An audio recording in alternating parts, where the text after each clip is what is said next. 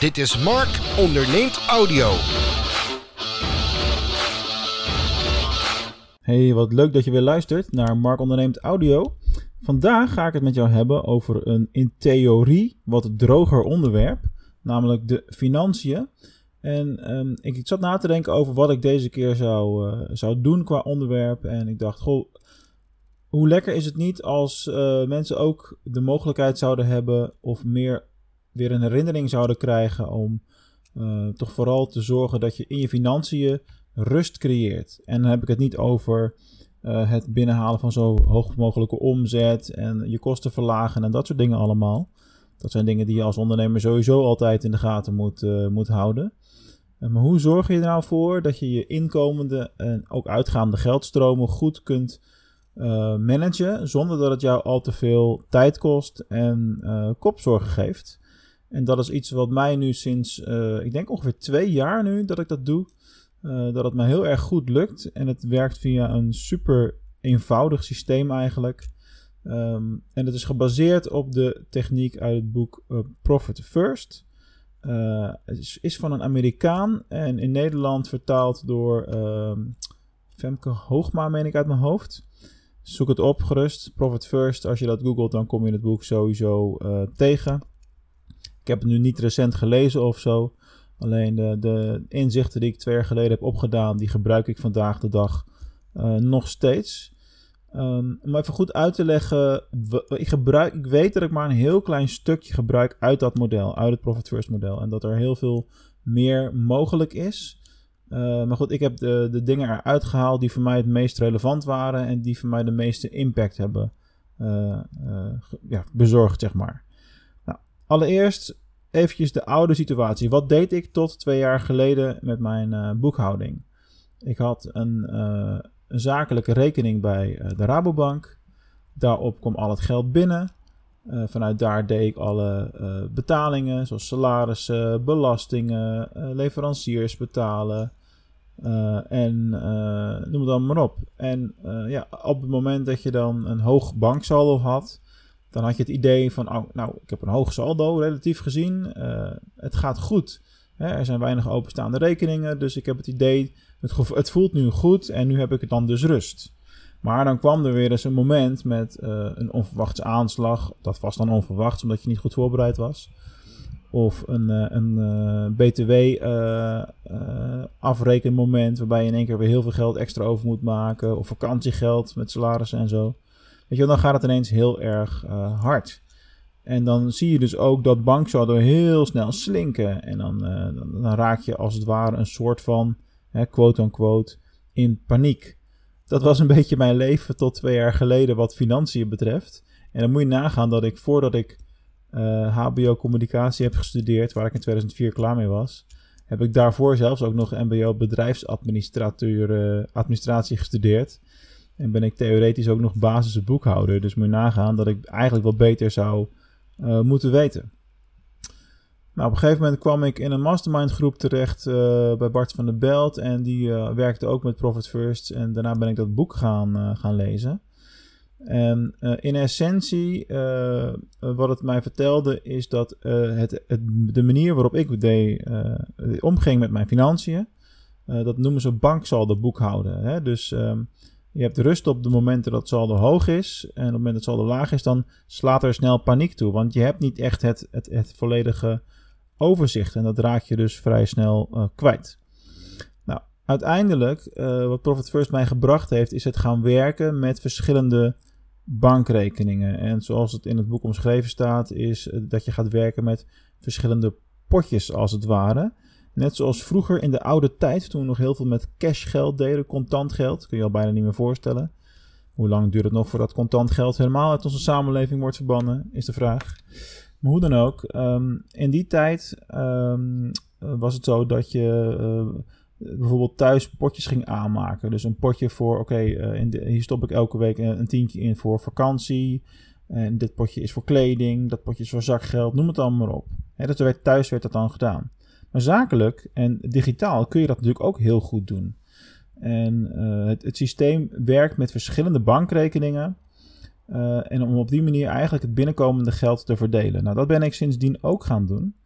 En er zijn veel verschillende manieren om het te doen. En er zijn veel ehm, ja, opties, zeg maar. In die zin dat je vooral moet kijken wat goed bij jou past en wat goed bij jouw organisatie past. Nou, ik heb natuurlijk een hele kleine organisatie, dus ik kan heel flexibel daarmee omgaan, dat zelf bepalen. Ik moet wel zeggen dat mijn boekhouder zelf, die moest daar aan wennen in het begin, maar nu is hij helemaal fan. Dus dat is ook wel heel, ver, heel erg fijn dat hij daarin is uh, meegegaan. Uh, ja, stap 1 was meerdere bankrekeningen openen. Ik dacht, ik moet ook met potjes gaan werken. Ik moet meerdere rekeningen hebben. Nou, dat werd op dat moment, ik weet niet hoe het nu is, maar op dat moment werd dat bij de Rabobank een beetje lastig. Want elke bankrekening kostte dan weer extra geld. En je zit natuurlijk niet uh, bankrekeningen aan te maken omdat je op kosten wil, wil zitten. Dus toen ben ik uiteindelijk overgestapt naar de Knap uh, bank, waar we dan tegenwoordig ook nog zitten. En ik had ook Bunk kunnen kiezen, maar goed, het was mij een beetje om het even uiteindelijk. En daar kan je onbeperkt, tot op zekere hoogte volgens mij onbeperkt, bankrekeningen aanmaken. En ja, dus met geld gaan schuiven, dat is eigenlijk wat je doet natuurlijk in essentie. Ik heb verschillende rekeningen aangemaakt. Ik heb een, een, rekening die heet ontvangsten. Dat is gewoon de, de standaard bankrekening waar alles op binnenkomt rekening uh, belastingen, rekening uh, kosten of betalingen, rekening salarissen. En dan zijn er nog twee soort van reserveringsrekeningen. Eén is de uh, rekening winst en één is de rekening reserveringen. Dat zijn er best een hoop. Hè? Zeker als je gewend bent om met één bankrekening te werken. Uh, maar het is wel iets wat uh, enorm veel overzicht geeft. Dus wat gebeurt er nu? Op het moment dat geld binnenkomt, dan elke, nou ja, pak een beetje twee weken of zo, twee keer in de maand, dan doe ik de betalingsrondes, voor zover dat nog handmatig uh, moet gebeuren. Het meeste gaat automatisch tegenwoordig. Maar goed, dan ga ik dus het geld verschuiven. Hè. Dus stel eventjes, er is 10.000 euro binnengekomen in een twee weken, ik noem maar wat. Dan ga je uh, verdelen op de volgende manier. Wat ik dan doe, is ik doe 20% van het geld direct naar belastingen en dat reserveer ik voor BTW-afdracht. Nou is de BTW natuurlijk 21%, maar je betaalt ook heel veel dingen waar je BTW over terug kan vorderen. Dus per saldo reserveer ik waarschijnlijk altijd iets te veel. Ik zou met een iets lager percentage kunnen werken. Maar ik weet gewoon, als ik 20% van het binnenkomende geld apart zet voor belastingen, dan zit ik eigenlijk altijd goed. En uh, dan is de BTW-aanslag nooit een tegenvaller voor me. Maar dan heb ik altijd net te veel gereserveerd.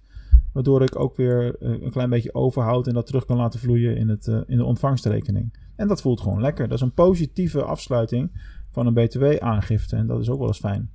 Bovendien zou eigenlijk iedereen dat geld direct opzij moeten zetten. Want BTW is niet van jou. Dat geld is nooit van jou geweest.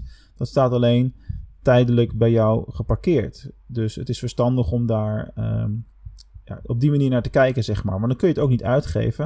En dan kun je het ook niet gebruiken om een mogelijk tekort wat je ergens zou kunnen hebben ja, op te vullen. Want dat gebeurt ook nog wel eens natuurlijk. En uh, ja, dat levert uiteindelijk alleen maar uh, problemen op. Dus belastingen 20%. Vervolgens gaat er minimaal 1%, dat is zeg maar de ondergrens, gaat naar winst. Dus eigenlijk het eerste wat je moet doen van alles gaat er binnenkomt. 1% of 2 of 5, net wat bij jou past. Uh, dat stort je door naar, de, naar winst. En dat is dan uh, ja, iets waar je, waar je van mag genieten. En wat je vrij kan besteden. En dat is heel erg leuk. Dat is heel erg lekker. vervolgens gaat er ook nog natuurlijk een percentage naar kosten. hoeveel procent kosten maak je ongeveer? Dat wordt ook heel inzichtelijk daardoor. Er gaat een gedeelte naar salarissen. Dat werkt natuurlijk vaker met gewoon vaste bedragen afhankelijk van je salarishuishouding. En uh, ja, wat er dan nog overblijft, dat kun je het beste blind doorstorten naar reserveringen. Dan zie je maar dat je op deze manier vrij gemakkelijk en vrij snel uh, met een paar handelingen per week uh, al het geld zo verdeelt wat binnengekomen is. zodat je ook al het geld op de juiste plaatsen hebt staan. En dat je ook eigenlijk altijd wel weet, ik kan alles betalen. En ik hoef me niet druk te maken daarover. Dus dit is echt het, het systeem voor mij wat echt heeft gezorgd voor veel uh, rust. Dus het werken met digitale uh, potjes. Nou, er zijn nog een aantal andere kleine dingen die je daar in aanvulling daarop kunt doen, of die ik dan doe om uh, nog wat meer rust te creëren. Dus A is zoveel mogelijk automatiseren. dus denk aan ehm, betalingen die ik automatisch kan laten verlopen, ook gewoon echt automatisch laten afschrijven. Niet per se zelf die controle willen vasthouden van wanneer betaal ik iets. Nou weet ik wel dat ik daar makkelijk over praat, omdat je hebt natuurlijk wel een soort financiële basis nodig uh, waar je op kan sturen van oké, ik heb dat geld om dat te doen. Weet je, als je echt hoge nood hebt en de, het water staat je aan de lippen, wat natuurlijk bij heel veel bedrijven het geval is, zeker sinds corona. snap ik dat het niet zo um, niet altijd heel eenvoudig hoeft te zijn om dat te doen. Hè? Bijvoorbeeld, ik zit in een positie waarbij ik dat gelukkig wel uh, kan doen en die rust heb uh, ontwikkeld, zeg maar. Uh, dus automatiseren op die manier. Um, het tweede dingetje is dat qua boekhouding hoef ik, dat, doe ik niet zelf. Vind ik niet leuk om te doen, dus dat laat ik door mijn boekhouder doen. Um, ik scan alles, dus alles wat fysiek nog binnenkomt, of als ik in een winkel een keer iets moet kopen voor zakelijke doeleinden, dan um, scan ik het bonnetje gelijk en dan gaat het naar de boekhouding en dan is het bij mij volledig direct verdwenen en uit het systeem. Sowieso alle bonnen digitaal uh, aanleveren, dat is heel erg lekker. En het derde, het laatste wat ik heb, wat ook alweer een soort rust geeft, is dat uh, ook mijn boekhouder daarin steeds verder is gaan ontwikkelen. Um, uh, we hebben tegenwoordig ook een tool waardoor we nagenoeg real-time inzichten kunnen krijgen in hoe onze boekhouding ervoor staat. Ik hoef niet te wachten op kwartaalrapportages bijvoorbeeld of maandrapportages. Gewoon alles wat ingeschoten is en wat ingeboekt is, dat wordt verwerkt en ik krijg real-time de inzichten voor mijn neus. Uh, dus ja, A is zoveel mogelijk je er niet mee bezig hoeven houden, dat helpt. B, zoveel mogelijk op een makkelijke manier schuiven en dingen automatiseren. Dat zorgt voor mij voor rust en inzicht in de financiën. Wil je meer over het onderwerp financiën weten? dan is het leuk om in deze podcast-serie een stukje terug te gaan. Namelijk helemaal terug naar aflevering 42. En daarin heb ik namelijk de Happy Financial geïnterviewd. Marjan Heemskerk was dat. En uh, ja, zij heeft daar ook een heleboel nuttige dingen over gezegd, uiteraard. Het is haar specialiteit natuurlijk in haar vak. Voor nu wens ik jullie nog een fijne dag en horen jullie mij binnenkort weer. Tot dan!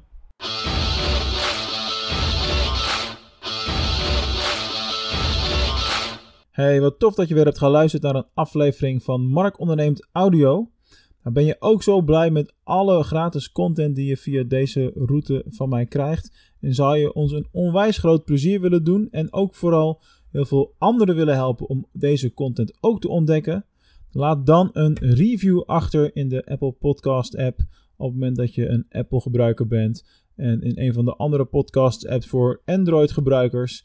Want daarmee help je ons enorm. Daardoor worden we beter zichtbaar in de stores uh, waar ze gratis te downloaden zijn. En zorgen we ervoor dat steeds meer mensen naar deze content kunnen gaan luisteren. Dus laat ons weten wat je ervan vindt. En ik lees ze natuurlijk zelf ook allemaal en waardeer jouw input enorm. Dankjewel en tot de volgende aflevering.